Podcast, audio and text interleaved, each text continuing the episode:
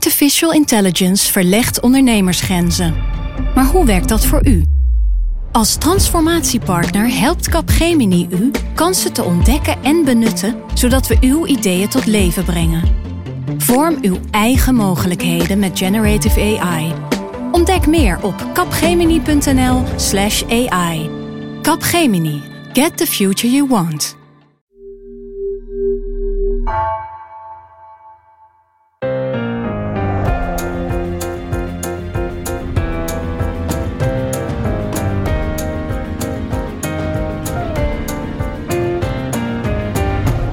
Haagse Zaken van NRC. Mijn naam is Lemia Aharwai.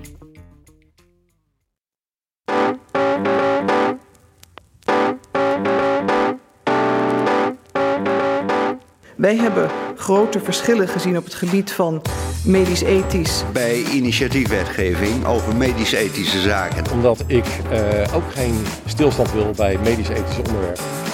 Het enige spannende wordt nog uh, het medisch-ethisch verhaal. De medische-ethische kwesties. Eh, op medisch-ethisch gebied. Ik heb ook een vraag over de medisch-ethische kwesties. Dat ging natuurlijk um, over dat medisch-ethische punt. Nou, je raadt het wel, we gaan het hebben over medisch-ethische thema's. Die woorden die vielen de afgelopen maanden vaak. Uh, vooral toen het maar niet wilde lukken met die formatie. En ze worden nu ook wel gezien als een soort donkere wolk die boven de gesprekken hangt. In deze Haagse zaken hoor je waar het concreet over gaat als politici beginnen over medische ethiek. Je hoort ook waarom het zo ingewikkeld is om er afspraken over te maken. En hoe dat uiteindelijk wel lukte in de formatie van 2017. Toen dezelfde partijen met dezelfde bezwaren ook met elkaar aan tafel zaten. En dat uh, doe ik vanuit een uh, niet supergoed geïsoleerde studio in de Tweede Kamer. Dus het kan soms zijn dat je er wat geluid tussendoor hoort. Samen met uh, Pim van den Nol. Ja, jij hebt, dat zou je bijna vergeten als je jou de afgelopen tijd hebt gehoord in Haagse Zaken. Maar jij doet meer dan alleen corona, want jij hebt de hele zorgportefeuille. Inmiddels kan ik weer wat meer doen dan, dan corona, nu het virus een beetje op zijn retour is. Durf ik niet te hard te zeggen, maar er is ook weer tijd hiervoor. Ja. Heel fijn, heel fijn. En uh, ook bij ons Peter de Koning, politiek redacteur. En jij keek in de formatie van 2017 mee achter de schermen bij de ChristenUnie. Ja, klopt. Ja, ja dat was uh, geweldig om te doen. Dat was natuurlijk een geheim project. Ik heb pas toen ze klaar waren daar een groot stuk over geschreven. Maar ja, toen heb ik dat wel vanaf de krant van de ChristenUnie meegemaakt. Ja, ik weet gewoon dat er nu mensen luisteren die denken, doet ze dat dit jaar weer? Dat doe ik niet. en als ik het wel deed, zou ik het nooit zeggen. Wauw, zo politiek geformuleerd. Heel goed. Oké, okay, het zijn best wel ernstige thema's waar we het over gaan hebben. Of in ieder geval uh, thema's die gaan over leven en dood. Ik wil eigenlijk gewoon even beginnen met de basale vraag. Wat wordt er eigenlijk bedoeld met medische ethiek, Pim? Nou ja, eigenlijk de officiële definitie zou je gewoon kunnen zien als hè, de, uh, de regels rond uh, goed medisch handelen. Dat is in het algemeen uh, een soort van de formulering. Maar als het in de politiek erover gaat, dan gaat het eigenlijk altijd om de dilemma's of de regels rond leven en dood. He, dus ja, de grote politieke dilemma's die daar eigenlijk onder liggen, van wat kun je wel en niet toestaan. Bij um, eigenlijk vooral twee uh, zaken. Het begin van het leven, dus denk aan abortus, maar ook embryo's, waar we het straks nog over zullen hebben. In hoeverre kun je aan het begin van het leven sleutelen, zeg maar, als mens. En natuurlijk het levenseinde.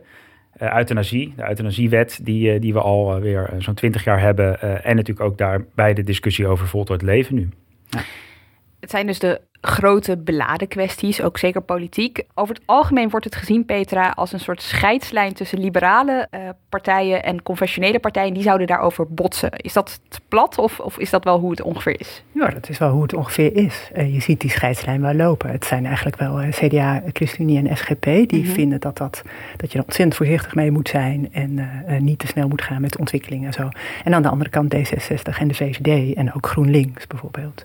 Die vinden dat je daar juist stappen vooruit moet zetten in hun optiek. Hè? Alles wat je zegt vooruit, achteruit, dat is vanuit hun gezichtspunt. Ja, zeker. Wat politiek ook wel interessant is aan deze thema's, is over het algemeen is de regel, het wordt vrijgelaten. Ja, het is eigenlijk in, in de Nederlandse politiek gebruik om dus medisch-ethische wetgeving bijvoorbeeld, om daarvan te zeggen, nou dit ligt dermate gevoelig, dat het eigenlijk niet uh, goed is om daar uh, in partijen of binnen een uh, kabinet, in een regeerakkoord, al uh, gedetailleerde afspraken over te maken. Het is eigenlijk beter om dat ook binnen fracties en zelfs tot op het niveau van individuele Kamerleden, dat die zelf echt een eigen afweging kunnen maken bij behandeling in het parlement, hoe ze willen stemmen. Dus het is ook heel gebruikelijk. Dat is bij de euthanasiewet zo gegaan, maar ook goed voorbeeld nog een paar jaar geleden bij de wet over de orgaandonatie. Dat binnen fracties er vrij mag worden gestemd. Dus dat er geen fractiediscipline is. Dat is wat er bedoeld wordt als er gesproken wordt over een vrije kwestie. Ja, precies. Om het dus niet, je niet vast te leggen hoe fracties zullen stemmen in een regeerakkoord, maar echt een vrije kwestie voor individuele Kamerleden. Ja. Ik wil eigenlijk gewoon met jullie alle drie de kwesties die op dit moment, of de vraagstukken die op dit moment op tafel liggen, gewoon langs gaan. En dan ook een beetje bekijken hoe de formerende partijen die nu bij elkaar zitten, uh, erover denken.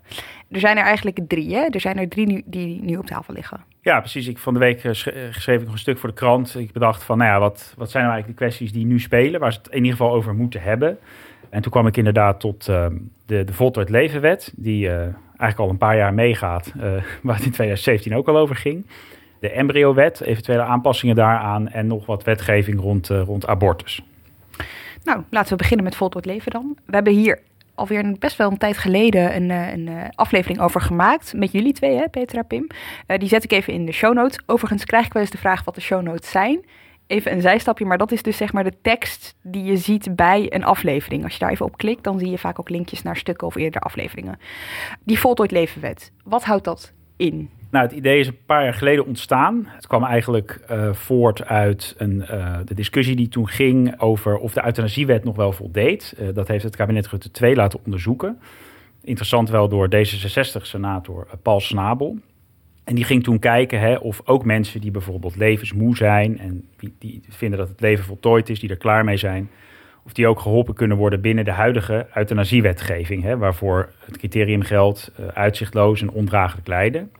Nou, hij concludeerde eigenlijk van die wet voldoet daar al voor. Dus mensen kunnen ook, als ze levensmoe zijn, stapeling ouderdomsklachten, zouden ze al geholpen kunnen worden. Toch heeft eh, D66 en daarna ook uh, de VVD in, in, het kabinet Rutte 2 uh, ervoor gekozen toen om een, het idee van een aparte wet daarmee te komen, zeg maar.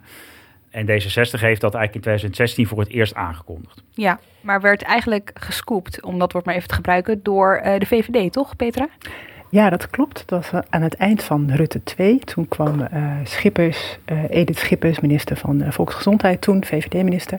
Die kwam toen met een, het voorstel om zo, met zo'n voltooid levenwet te komen. Dat werd gezien als het begin van de verkiezingscampagne. Rutte 2 was aan het eind. Je moet ook bedenken, Rutte 2 werd in die tijd gesteund in de Eerste Kamer. en ja, ook in de Tweede Kamer door drie partijen. De ChristenUnie, de SGP en D66. Dus Rutte 2, PvdA en VVD hadden in die tijd de steun nodig van die christelijke partijen. Dus konden ook medisch-ethisch gezien niet doen wat ze graag hadden willen doen. Dus dat vond vooral de PvdA wel vervelend, maar de, uh, de VVD ook. De VVD wist dat D66 met dit plan rondliep, dit wilde gaan doen. En toen heeft, uh, kwam Schippers, die deed een stap naar voren. Daarna heb je er van de VVD niet zoveel meer over gehoord hoor. Want de VVD vond het daarna toch wel heel erg belangrijk dat er weer een kabinet kwam met de ChristenUnie. Dus lieten ze dit ideaal eventjes, uh, of parkeerden ze dat eventjes. Ja. Maar D66 deed dat niet, Pim.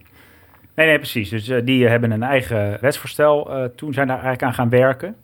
Het is misschien op, goed, goed, om nog even uit te leggen. Hè. Het gaat echt dus om, om ouderen die, die niet ernstig ziek zijn, ja. maar die gewoon zelf uit het leven zouden willen stappen. Hè, wat ik net al zei, levensmoe bijvoorbeeld ja, die komen nu in principe, uh, als je het zo uitlegt, dus niet in aanmerking voor, voor euthanasie. Want hè, dat is, dan moet je echt eh, heel erg ziek zijn, uitzichtloos lijden. Dus het is echt voor een hele nieuwe groep, bedoel, die wet. En dat maakt het ook wel weer ja, echt anders en ook gevoeliger. Uh, nog even in internationale vergelijking. Hè. Nederland was ooit het, het, eerste land met een euthanasiewet. Nou, dit zou überhaupt internationaal weer een primeur zijn als ook gezonde oude mensen voor die, die keuze zouden kunnen maken. Dus oké, okay, de VVD oppert het aan het eind van Rutte 2 voor het eerst. Dan begint de formatie. Nou, jij vertelde net al, Peter, jij keek mee. Hè? Voor de ChristenUnie was dit vanaf het begin al echt een heel moeilijk punt, uh, die voltooid levenwet. Wat is er gebeurd tijdens die formatie? Nou, eerst probeerden D66 en de VVD en de CDA het dus een tijdje met GroenLinks. Hè, en dan speelde het alleen maar op de achtergrond. Als dat zou mislukken, dan kwam de ChristenUnie in beeld. En dan was dit een belangrijk thema. D66 wilde daar echt niet aan. Dus na de eerste mislukking met GroenLinks heeft um, Alexander Pechtold, die toen de D66-leider was, nog heel hardhandig uh, Gert-Jan Segers van de ChristenUnie uh, weggeduwd. Hè, in een gesprek van, ja, we willen gewoon echt niet met jou. Hij had het hele verkiezingsprogramma van de ChristenUnie erbij gepakt. Alle, thema's doorgelopen. En, uh, hij wilde eigenlijk aan tafel toen van Segers op alle punten een concessie horen. En, en daarna kwamen ze samen naar buiten en zeiden ze, nou, we hebben elkaar diep in de ogen gekeken, maar dit wordt het niet tussen ons. En daarna zijn ze het weer met GroenLinks gaan proberen, maar dat is toen ook mislukt. En toen ja, zat er weinig anders op, net als nu eigenlijk. En uh, gingen ze met z'n vieren aan tafel zitten.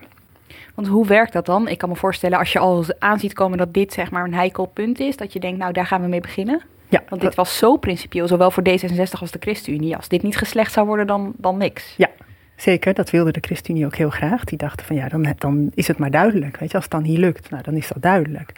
Dus dat was ook hun nadrukkelijke wens, maar zo ging het niet. Ze hebben het eerst wekenlang onder leiding van Gerrit Salm, de VVD-informateur toen, eh, hebben ze het wekenlang over het vestigingsklimaat van Nederland gehad. Je, grote bedrijven, dividendbelasting, alles. Je. En dan vroeg ik van, hebben jullie het nu eindelijk over de medische ethiek gehad? Nee, nee, vestigingsklimaat, vestigingsklimaat.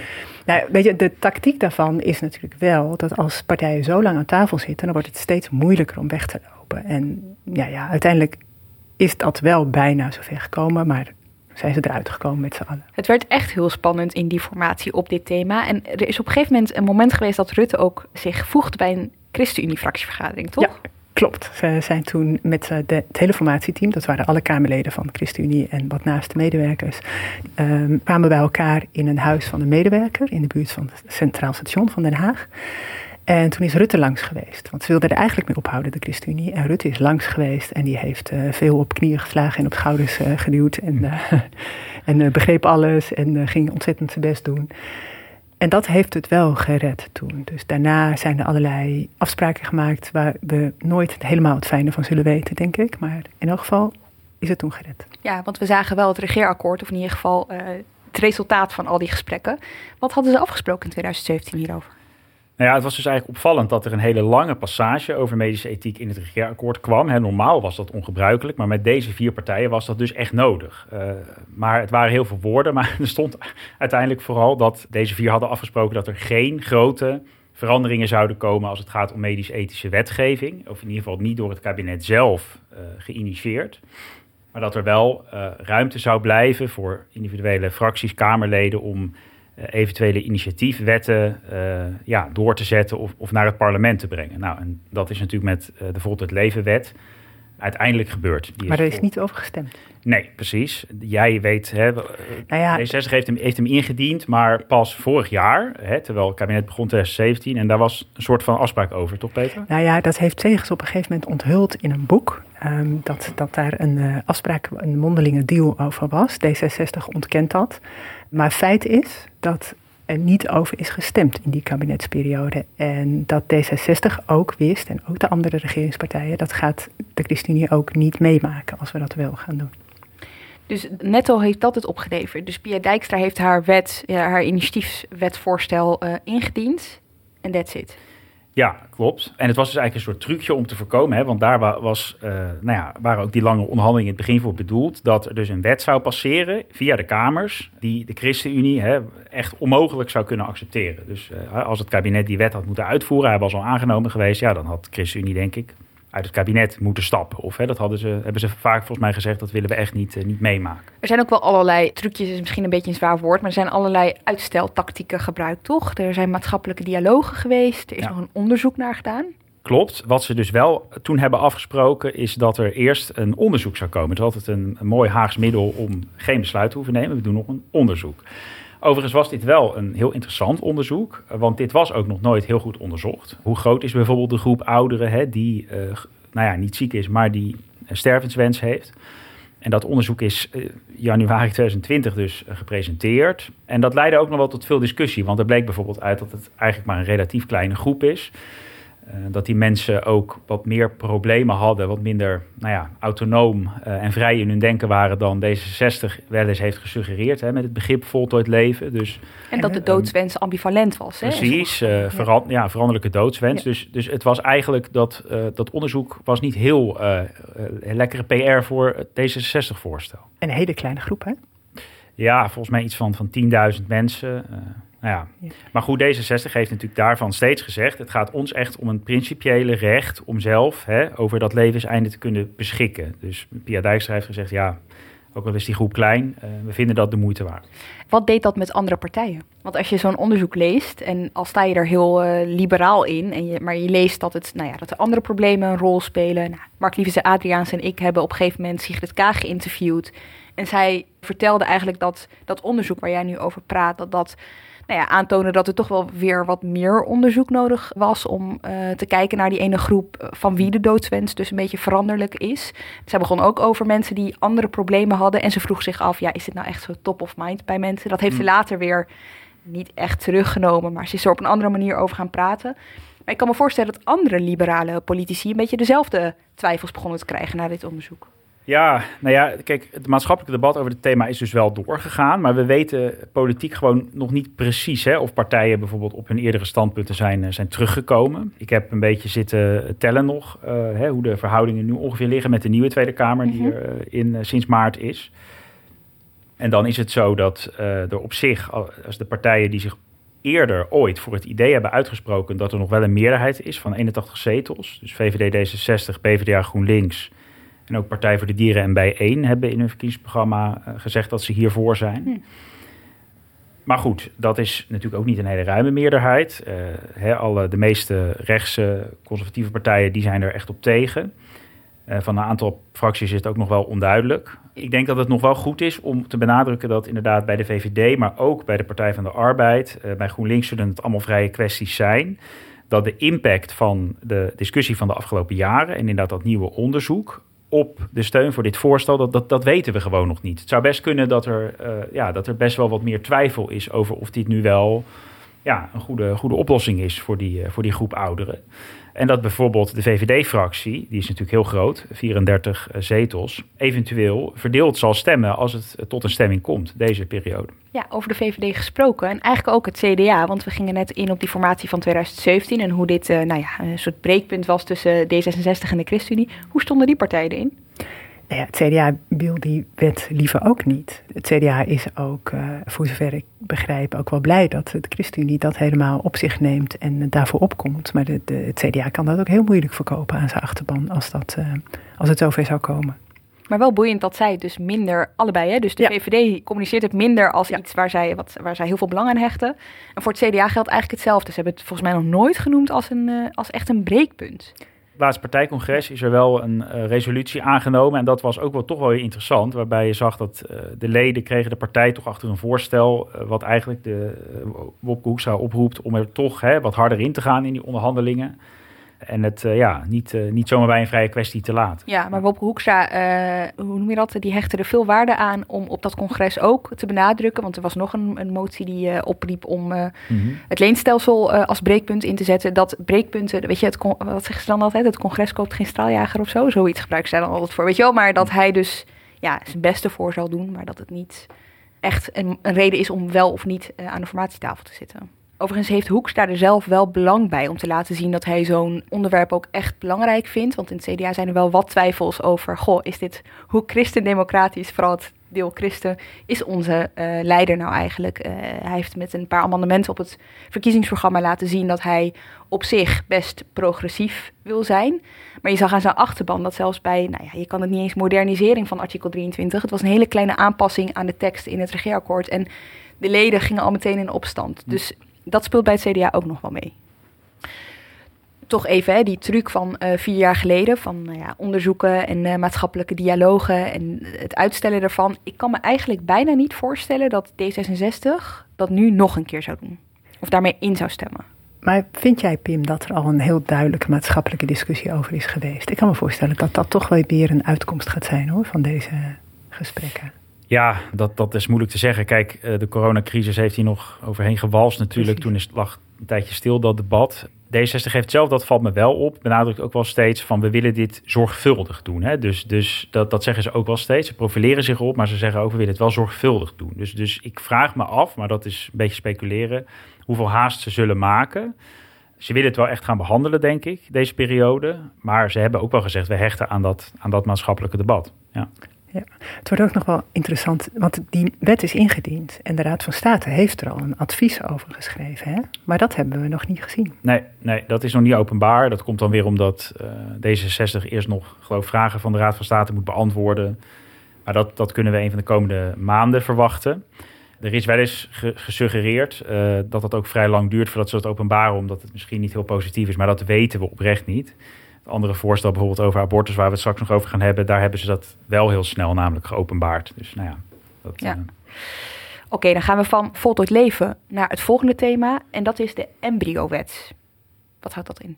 Ja, daar gaat het niet zo vaak over als over voltooid leven of abortus hè, in Den Haag. Uh, altijd heel erg op de achtergrond, maar het is ook best wel belangrijk. De embryowet die regelt eigenlijk wat je mag doen überhaupt met menselijke embryo's. Dus ja, wat er is toegestaan als het gaat om um, nou, IVF-behandelingen en hoe je die embryo's die daarbij overblijven bijvoorbeeld nog gebruikt. Maar ook de vraag, en die staat ook nu centraal, mag je speciaal embryo's bijvoorbeeld gaan kweken, puur en alleen voor wetenschappelijk onderzoek. Dat mag nu niet. Dus de embryowet zoals we die nu kennen, die is behoorlijk restrictief, zoals ze dat noemen. Dus er mag heel veel niet, er mag maar heel weinig wel. Wat al wel mag, is uh, embryoselectie. Dat is al uh, volgens mij ja, sinds 2003, 2004, ergens in die jaren mhm. zo. En dat houdt in dat mensen die uh, niet voor een natuurlijke zwangerschap durven te gaan, omdat ze weten dat ze een ernstige erfelijke aandoening hebben, die kunnen dus met behulp van een IVF-traject en embryoselectie, daarbij worden altijd meerdere embryo's hè, geproduceerd. En dan kan met die techniek eh, kan er een gezond embryo zonder die erfelijke aandoening worden teruggeplaatst eh, in de baarmoeder. Uh, tot zover dit college. Want het is, ik vind het zelf nou ja. ingewikkeld om het allemaal, uh, allemaal, uit te leggen. En dat, uh, dat is dus toegestaan al op dit moment op, bij het voorkomen van een aantal hele ernstige erfelijke ziekten. Dus even als voorbeeld de ziekte van Huntington bijvoorbeeld. Hè, daar, de, dat is een verschrikkelijke ziekte waar ongeveer al je nou ja, spierweefsel en alles op een gegeven moment bij uitvalt. Je heel erg ernstig verlamd, gehandicapt raakt. Het is nu al toegestaan om met embryoselectie te voorkomen dat het, eventuele kindje wat uit die IVF-behandeling voortkomt, die ziekte weer heeft. Dat, dat kan al, dat mag al, met, voor een beperkt aantal ziekten. Dit is allemaal, de, de embryoselectie is echt een voorbeeld van techniek om zeg maar, te voorkomen dat uh, kindjes met hele uh, ernstige ziekten worden geboren. Nou, dat, dat, ik denk dat veel uh, partijen daar op zich in kunnen meegaan. Hè. Maar als je speciaal voor alleen maar wetenschappelijk onderzoek menselijke embryo's gaat kweken, die je daarna weer weggooit, dus die niet uh, als doel hadden bij te dragen aan een zwangerschap, dat ligt dus veel gevoeliger. Daarmee worden ja, in de ogen van critici, en dat zijn niet alleen christelijke partijen hoor, het, het, heeft behoorlijk veel ethische dilemma's waar je ook als uh, nou ja, seculier of liberaal persoon best wel bedenkingen bij kan hebben. Kan op een gegeven moment heel ver gaan. Hè. De, uh, het sleutelen bijvoorbeeld aan menselijk DNA. Uh, er is wel eens de vrees dat als we steeds verder gaan met embryo-onderzoek, dat je op een gegeven moment door het DNA zo te manipuleren alleen nog maar uh, ja, perfecte mensen krijgt. Hè? Het gevaar van de, de designerbabies. Of dat je straks ook uh, embryoselectie mag toepassen voor een jongen of een meisje. Nou, dat zijn dingen, dat iedereen zegt daar natuurlijk van, dat, die kant moeten we nooit op. Maar het wordt gezien als een soort hellend vlak als er steeds meer mogelijk wordt op dat terrein. Maar vanuit de wetenschap klinkt eigenlijk, breidt dit nou uit? Want er zijn nou ja, regels ja. waardoor zij hun werk, vinden zij, niet goed genoeg kunnen doen. Ja, uh, kijk, wat um, het, het, het speciaal voor onderzoek kweken van embryo's, dat kan heel nuttig zijn, omdat dan de eerste dagen van het embryo ook bestudeerd kunnen worden. Uh, nu mag je dus alleen restembryo's die overblijven bestuderen. En dat kan pas na vier of vijf dagen, hè, als zo'n IVF-traject achter de rug is. Dus dat zou bijvoorbeeld helpen om uh, nou ja, nog meer te weten te komen over die allereerste dagen. Uh, dus de wetenschap zit hier heel erg op te wachten. Maar goed, ja, dat geeft heel veel dilemma's dus tegelijkertijd. Ook nog een grens dat je na 14 dagen mag je ook niet nog langer onderzoeken. En dat heeft dus allemaal te maken met de discussie wanneer ja, gaat het richting een, een mensje of richting een foetus. En uh, ja, kun je er niet meer zomaar mee, mee knoeien. Zeg maar. En nou klinkt er vanuit de wetenschap, we willen deze wet wat meer uitbreiden, het minder ja. restrictief uh, uh, maken. Hoe wordt daar politiek over gedacht? Nou, kijk, het is misschien uh, inderdaad nog even goed om uit te leggen van waarom zou je tegen het uh, voorkomen van ernstige ziekte kunnen zijn met, uh, hè, door middel van embryo-onderzoek. Zullen misschien zelf veel mensen denken van ja, hoe kan je daar nou tegen zijn? Nou ja, bij de christelijke partijen geldt natuurlijk heel sterk dat, hè, zeker bij de ChristenUnie, dat zij het embryo al zien als het prille begin van menselijk leven. En dat überhaupt daar mee gaan zitten, nou ja, aan gaan zitten sleutelen, dat, is, dat kan niet. Hè. Dan grijp je in, in hoe God het heeft bedoeld. Hè. Dus de ChristenUnie is heel erg op de lijn van... we moeten dat helemaal niet willen. We moeten gewoon ook erfelijke ziekte helaas accepteren... en goed voor uh, ja, mensen met ziekte zorgen. Was dit in 2017 um, eigenlijk onderdeel van ja, de formatie? Dit, absoluut. Nee, daar is veel, uh, veel discussie over geweest. En ook ja. dit, dit was onderdeel van het conflict dat uh, toen hoog opliep. Ook het embryo-onderzoek. Ja, ja en, en de liberale partijen, kijk, die zien ook die zien het embryo niet uh, al als het begin van een mens. Die vinden dat een beetje overdreven. Dus die zeggen het is een klompje cellen. Ja, dat is het inderdaad ook de eerste paar dagen. Dus daar zit gewoon een heel diep ideologisch meningsverschil. Iets anders is, wat ik net ook al even zei, kijk, de, het, het gaan zitten sleutelen aan embryo's, zodat je misschien een soort perfecte mens uh, kan krijgen op termijn. Dat is natuurlijk iets waar ook heel veel mm. hè, uh, ja, seculiere partijen hun bedenkingen bij hebben. Dus het is niet alleen de liberale christelijke scheidslijn. Maar het ligt dus nog wel op tafel, dit. Ja, want de vorige keer is het een beetje uitgebreid, maar niet het onderzoek op embryo's echt puur het wetenschappelijk onderzoek. Dat is niet Nee, klopt. Nee, dus de, de, dat, uh, dat, dat, kweken voor speciaal voor onderzoek, dat is iets wat, uh, wat nu echt weer op tafel uh, ligt. En ook het verder, ja, het verder toestaan van die embryo-selectie om bijvoorbeeld nog meer ernstige erfelijke ziekten uit te bannen. Daar zullen ze het ook over hebben. En als we dan even gaan kijken naar dat regeerakkoord van 2017, dus wat, wat is er nou eigenlijk afgesproken, dan ga ik even wat voorlezen.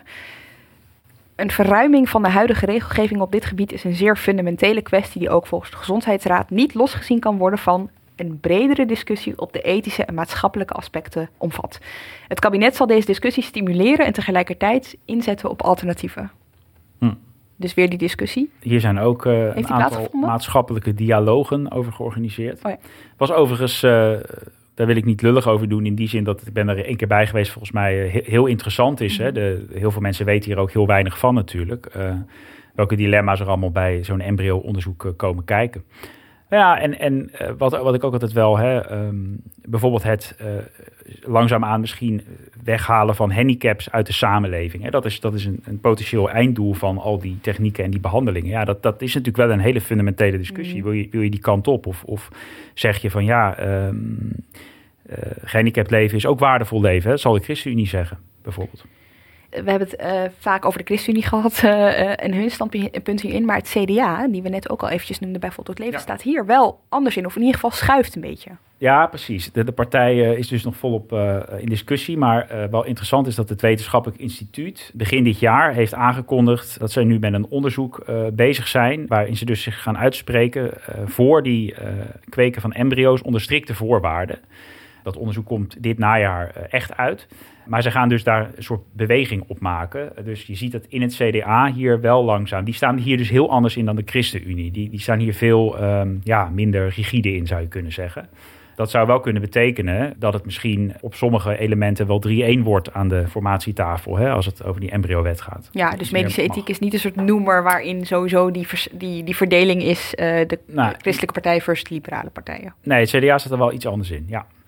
Pim, je zei net al eventjes, hè, hier hoor je echt wel een stuk minder over dan die voltooid levenwet. Denken jullie eigenlijk dat uh, dit een onderwerp is dat net zo belangrijk is aan, aan tafel? Ja, ik zou me heel goed kunnen voorstellen dat dit veel belangrijker gaat worden dan de voltooid levenwet. Oh ja? Ja, omdat het zich helemaal gaat concentreren op het begin van het leven. Ook over uh, abortus, maar ook over dit embryo-onderzoek. Omdat wat je zo opvangt is dat over dat voltooid leven uh, wel wat dingen af te spreken kunnen zijn. Of dat ze daar een, een modus hebben. Wat jij noem, net al noemde, uh, Pim, dat het met de stemmingen misschien toch uitpakt zoals de ChristenUnie het graag wil. Mm.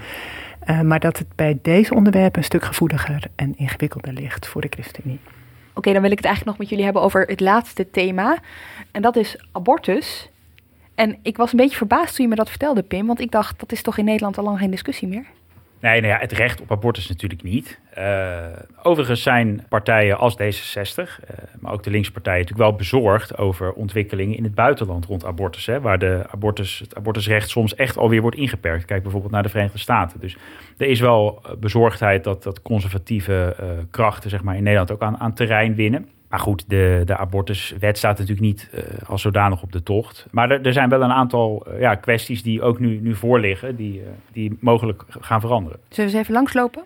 Ja, ik denk de meest interessante is het voorstel wat D66 zelf heeft gedaan. Dat was ook al voorbereid door Pia Dijkstra en nu door Rob Jetten overgenomen. En dat is om de wettelijke bedenktermijn voor abortus te schrappen. Die is uh, begin jaren 80, toen de wet van kracht werd, in de, in de wet gezet. Uh, en die staat op vijf dagen. En dat betekent dat een vrouw die uh, zich bij de abortuskliniek meldt, pas na vijf dagen echt de behandeling mag ondergaan. En dat is, ja, ik denk toen met het idee van hè, abortus is niet een lichtzinnige keuze. nou, daar zit natuurlijk op zichzelf wat in. Maar um, Dus een vrouw denkt er nog even vijf dagen over na. Dat vindt D66 dus heel betuttelend. Vindt VVD ook, hè? Paternalistisch. En de VVD zeker, die vinden dit even goed. Ja. Ja, paternalistisch is het argument. Ja, precies. Een beetje betuttend richting vrouwen. Van kijk, alsof een vrouw die bij de abortuskliniek komt niet al heel goed heeft nagedacht Mhm. over dat ze dat echt wil. Dus dat voorstel, eh, dat ligt nu in de Kamer. Dat kan ook al snel eh, worden behandeld dit najaar. Voor de zomer ingediend. Dit najaar zou het op de agenda kunnen komen. Dus het is wel interessant hoe dat ook in de formatie rol kan spelen. Krijg je een debat in de Kamer. eh, tegelijkertijd is het een onderwerp Ja, aan de formatietafel. Ja. Wat denk jij, Petra? Is dat, dat is, is dan Ja. gebruikelijk om zo'n initiatiefwet even stil te leggen? Of om, want dat kan de formatie dan gaan doorkruisen. Hè? In dit geval. Ja, op zich is, is, is daar wel ervaring mee om dat dan een tijdje eh, te stoppen. Maar in deze hele discussie over nieuwe bestuurscultuur en eh, een andere rol voor de Tweede Kamer, kan ik me voorstellen dat je dat niet zo gemakkelijk Ja. kan uitleggen. Het is even een zijstapje eigenlijk, maar eh, je zegt er is ervaring mee. Want dat heb jij ook meegemaakt toen in 2017. Ja, toen ging het over de bonussen voor bankiers. En de ChristenUnie heeft, is toen even meegegaan met de VVD om die bonussen nog in stand te houden. En later hebben ze het in de toch weggekregen. En ging het toch niet door zoals de VVD het graag wilde. Maar het is in ieder wel geval heel ingewikkeld als je dat naast elkaar moet gaan doen. Ja, daar kwam toen de dividendbelasting eh, voor terug. De afschaffing van de dividendbelasting. We weten allemaal hoe dat is afgelopen. Oké, dit is de eerste aanpassing, maar er zijn nog twee wat klei- kleinere aanpassingen waar aan gewerkt wordt. Wat ook nog naar de Kamer komt, is een, een, een andere initiatiefwet. Die is niet van de coalitie, of, eh, sorry, de formerende partijen moet ik inmiddels weer zeggen. Maar van PvdA en GroenLinks. eh, om de abortuspil bij de huisarts ook eh, beschikbaar te stellen. Dus dat is ook een verruiming van de huidige abortuswet. En dat is met het idee dat ook de toegang tot abortus dan makkelijker moet worden voor vrouwen. Hè. De huisarts is toch al is veel laagdrempeliger dan de abortuskliniek. Maar goed, dat raakt iets minder aan, aan de formatie. Omdat deze partijen hebben al, begreep ik van de week, eh, die gaan dat ook echt naar de Kamer brengen eh, later dit jaar. En dat is iets minder controversieel, hè? de VVD vindt dat, Ja, dat ook. nou ja, goed, maar kijk, wat ik Maar denk hier bij abortus. Bij de, dan bij, de- ik bedoel, bij de ChristenUnie wil dat ook niet. Nee, nee kijk, het, volgens mij wordt het, het spannende hier dat eh, het lijkt ondenkbaar dat eh, de ChristenUnie eh, het kan verhinderen dat eh, D66 dat eigen voorstel rond abortus in de Kamer brengt. Eh, dat D66 zal meestemmen, positief zal meestemmen met eh, PvdA en GroenLinks over die abortuspil.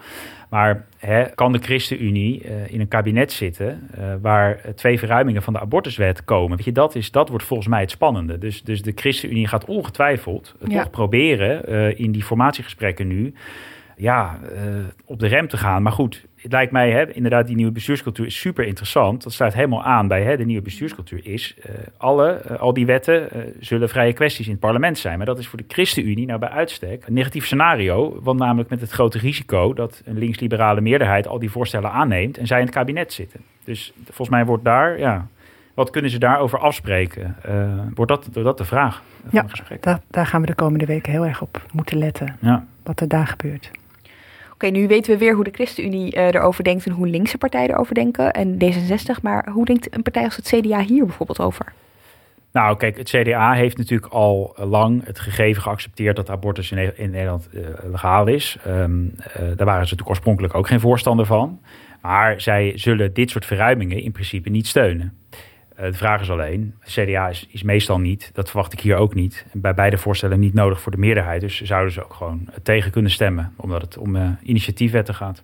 Ja. Ik ben echt eh, persoonlijk echt heel erg benieuwd hoe de partij hiermee omgaat. Want iemand als Wopke Hoekstra die hier niet in meegaat, het lijkt me gewoon heel ingewikkeld. Ja, want je kunt je het scenario voorstellen dat ze ook nog kiezers kwijtraken aan de ChristenUnie, die Ja. dan hier wel pal voor gaan staan. Hè? Ja, Nee, het maar ik denk dat het. CDA kan toch prima, kijk, zo'n bedenktijd. Dus voor het CDA toch juist iets van te zeggen, kijk, hè, we, abortus is toegestaan, maar we houden het wel zorgvuldig. Zo zal het CDA het vermoedelijk gewoon uitleggen, denk ik hoor. nou ja, ze proberen de grote stad te bereiken, weet je wel. Dat, daar zijn ze ook wel heel erg mee bezig. En je ziet dat Mm. ze heel langzaam op sommige thema's zich wat progressiever oproepen. Nou ja, wat je net noemde over die embryowet vind vond ik echt ontzettend eh, interessant.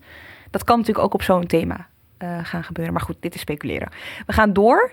Voor al deze onderwerpen geldt dus dat ze vanaf nu op de formatietafel liggen. En eh, het interessante woord eh, ze bespreken is één. Maar wat gebeurt er daarna mee? En deze week hadden we een formatiedebat. En het viel mij op dat Klaver daar heel goed wist waar het pijnpunt ligt. Voorzitter, um, ik heb ook een vraag over de medisch-ethische kwesties. En dat vraag ik omdat het mij gaat over de stabiliteit van een nieuw kabinet. Ik wil zeker weten dat daar een kabinet zit, wat die grote uitdagingen, daar hebben we jaren voor nodig. En daarom is mijn vraag eigenlijk de volgende. Stel je voor dat hier in de Tweede Kamer, er liggen een aantal initiatiefwetten, onder andere van mijn fractie. Ik heb goede hoop dat dat vrije kwesties zijn, ook voor een nieuw kabinet die we kunnen bespreken. Als die worden aangenomen, moeten ze uh, gecontrasigneerd worden, dus ook getekend worden door het kabinet. Um, is de heer Segers, vindt hij dat bij die nieuwe bestuurscultuur hoort dat als dat wordt aangenomen in de Kamer, dat ook een kabinet waar zijn ministers in zitten, uh, zo'n wet zullen ondertekenen? Dit is interessant. Ja, zeker. Dit was natuurlijk niet uh, omdat Klaver zich zoveel zorgen maakt over de stabiliteit van het uh, aankomende kabinet, waarover in elk geval wordt onderhandeld.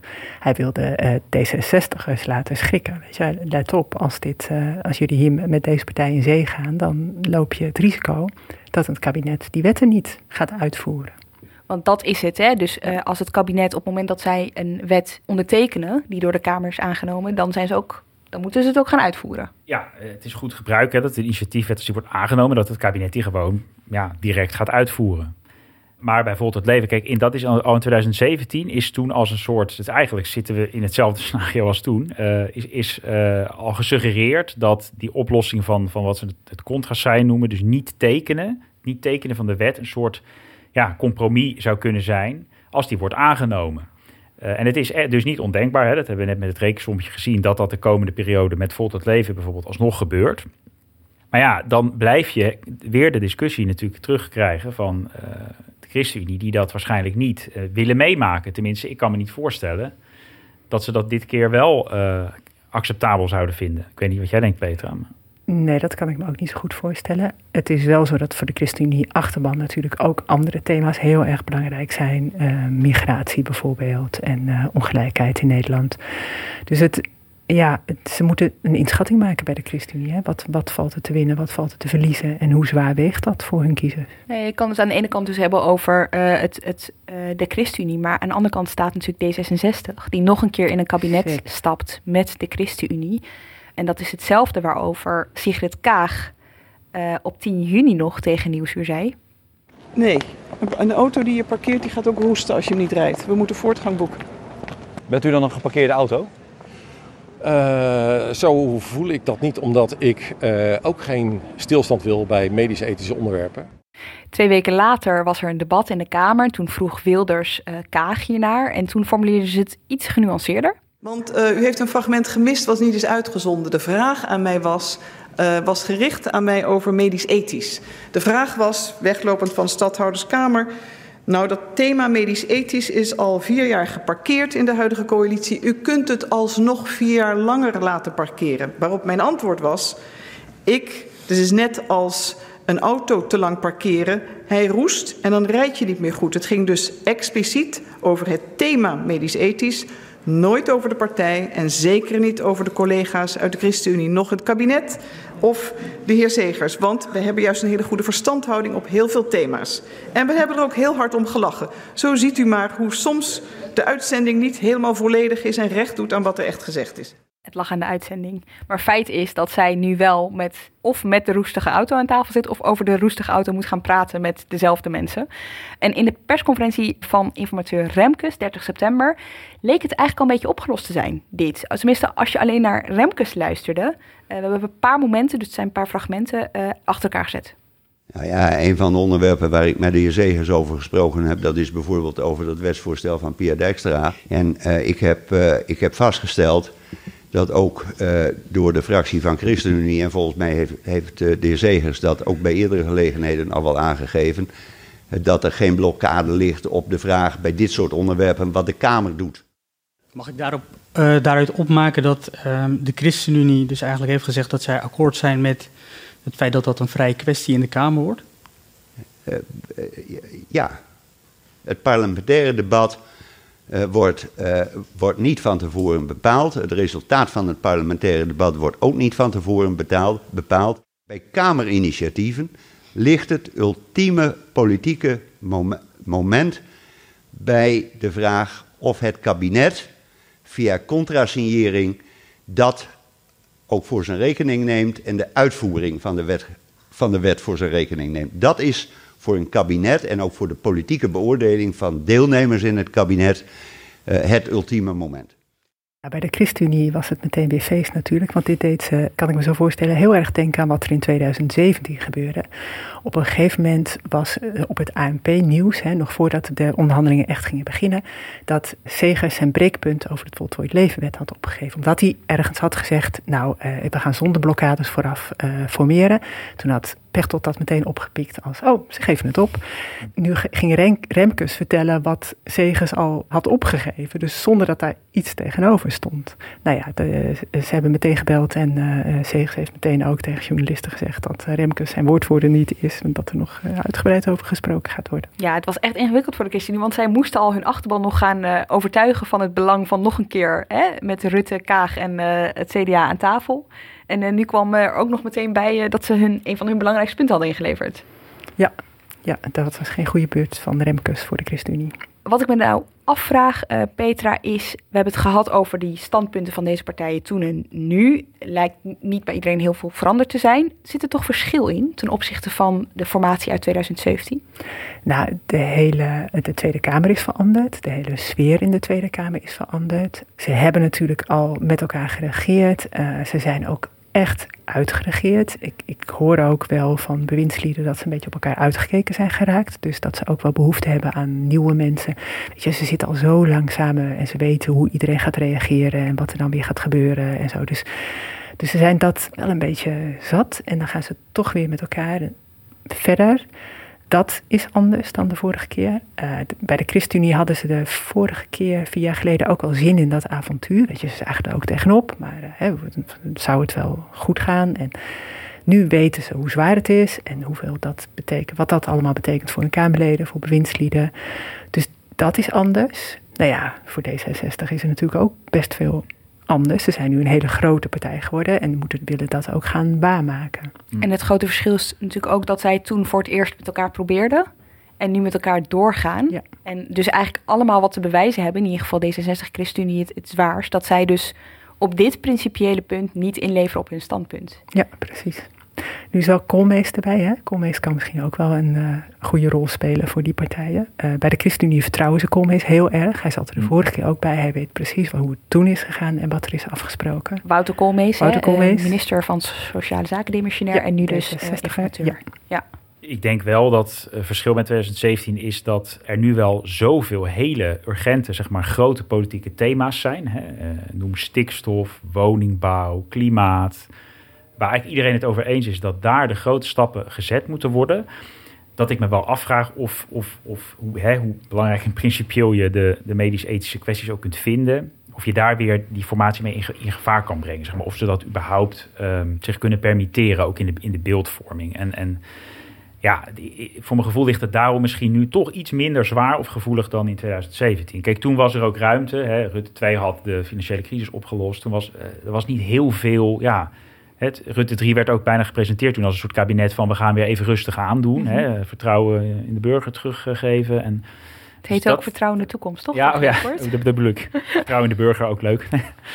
maar dus hè, gevoelsmatig vind ik, want ik heb me persoonlijk wel verbaasd over hoe D66 dit de laatste maanden weer even heeft opgespeeld. Ik snap het ergens wel, hè, die, die profileringsdrang, maar ik heb al, altijd al gedacht, met de ChristenUnie kunnen ze op andere terreinen, juist als blok tegen VVD en CDA, echt wel dingen gedaan krijgen. Dus hè, de, de vraag is een beetje, wat gaat nu de. Nou, je kan je afvragen, waarin onderscheidt D66 zich van andere partijen als ze net niet dit thema zouden hebben?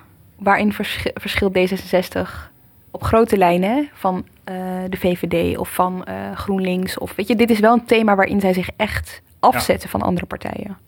Ja, ja dat is zeker ik, waar. Ik denk dat we aan deze thema's in de onderhandelingen ook gaan merken hoe, of ze het wel echt willen. Ik bedoel, of ze het allemaal wel echt willen, maar ook of uh, D66 misschien toch nog een mogelijkheid ziet dat GroenLinks losraakt ja. van de PvdA en dat ze alsnog aan tafel kunnen komen als de ChristenUnie niet meer meedoet. Dat er een nieuwe situatie ontstond. Er is heel erg gelet bij, de, bij het debat van afgelopen week uh, over de formatie op hoe uh, Klaver en Ploemen deden tegen Kaag. En die hebben ze niet, uh, ze voelen zich in de steek gelaten door Kaag. Dat hoor je bij die twee linkse partijen. Maar je zag het niet. Je zag het niet terug. Ze lieten haar nog uh, uh, helemaal heel. Sowieso gingen ze er niet echt met gestrekt been in. Klaver drukte hier en daar dus wel af en toe. Segers benoemde dat ook op pijnpunten. Hè? Dus uh, Segers zei ook op een gegeven moment iets van... Uh, ik heb je wel door, weet je wel. ik, ik, weet, ik zie wel waar je mee bezig bent. Maar het is inderdaad niet... Uh, ze hebben haar niet afgemaakt. Nee. Wat nog wel interessant was, is dat uh, Gert-Jan Segers afgelopen week bij het begin hè, van de nieuwe uh, onderhandelingen eigenlijk wel zei dat ze het weer, net als in 2017, uh, ja, bij voorkeur heel snel al over die medische ethiek moesten gaan hebben. Omdat je ja, daar toch moet kijken of het überhaupt dan kan lukken. Je weet dat daar de wegen uiteen kunnen gaan en dat moet je echt wel heel snel met elkaar bespreken. Maar dan gebeurt dus waarschijnlijk bij de, aan de kant van de informateurs ook weer hetzelfde, Petra. Dat weet je natuurlijk niet zeker. Nee. Misschien hebben ze geleerd van de vorige keer dat ze dat niet willen. Maar, um... Het zou in ieder geval voor hun handig zijn om het zo lang mogelijk uit te stellen weer. Ja, dat ligt eraan wat D66 wil. Ja, jullie hebben het een paar keer gehad over die nieuwe bestuurscultuur. Hè, en wat dat zou betekenen voor een onderwerp als uh, medische ethiek. Of eigenlijk alle onderwerpen die erover gaan. Denken jullie dat dat uiteindelijk ook van invloed gaat zijn over de, op de afspraken die er gemaakt gaan worden? Ik denk dat het zeker een rol speelt. Kijk, D66 zal qua voor de medisch-ethische thema's, zeg maar, de onderhandelingen ingaan met de inzet. Alles moet een vrije kwestie zijn. Want dat is voor D66 het meest gunstig. Dan hè, mag alles naar de Kamer en is er ook een goede kans op links-liberale meerderheden voor die voorstellen. Uh, maar voor de ChristenUnie is dat natuurlijk heel onaantrekkelijk. Dus die zullen juist hun, hè, de grote macht die ze hebben aan de formatietafel willen gebruiken om zaken toch via het regeerakkoord, denk ik, te proberen toch nog te blokkeren. Of in ieder geval iets stil te leggen of tegen te houden. Ja, zeker. Uh, want ze zijn een kleine partij en uh, er staat ja. best veel voor ze op het spel. Uh, ingewikkeld is wel dat Remkes het al oude politiek heeft genoemd als ze het niet aan de Tweede Kamer overlaten. Hè. Dus dat, tegen dat beeld ja. moeten ze al op iets om op te letten als het ooit tot een regeerakkoord tussen deze vier partijen komt. Samen met die uh, contra-signering. Dat, dat woord vergeet ik uh, ook nooit meer. Dank jullie wel, Peter de Koning en Pim van den Dol. Jij ook weer bedankt voor het luisteren. Redactie en productie van deze aflevering waren in handen van Iris Verhulstonk. Montage door Pieter Bakker. Volgende week is er weer een Haagse Zaken. Tot dan.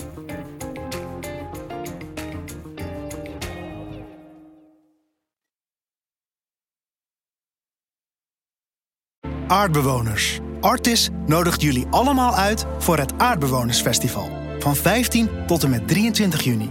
Een inspirerend festival over het doorgeven van onze aarde aan de volgende generatie. Vol lezingen, workshops, muziek en nog veel meer. Dus aardbewoners, koop je tickets via artis.nl.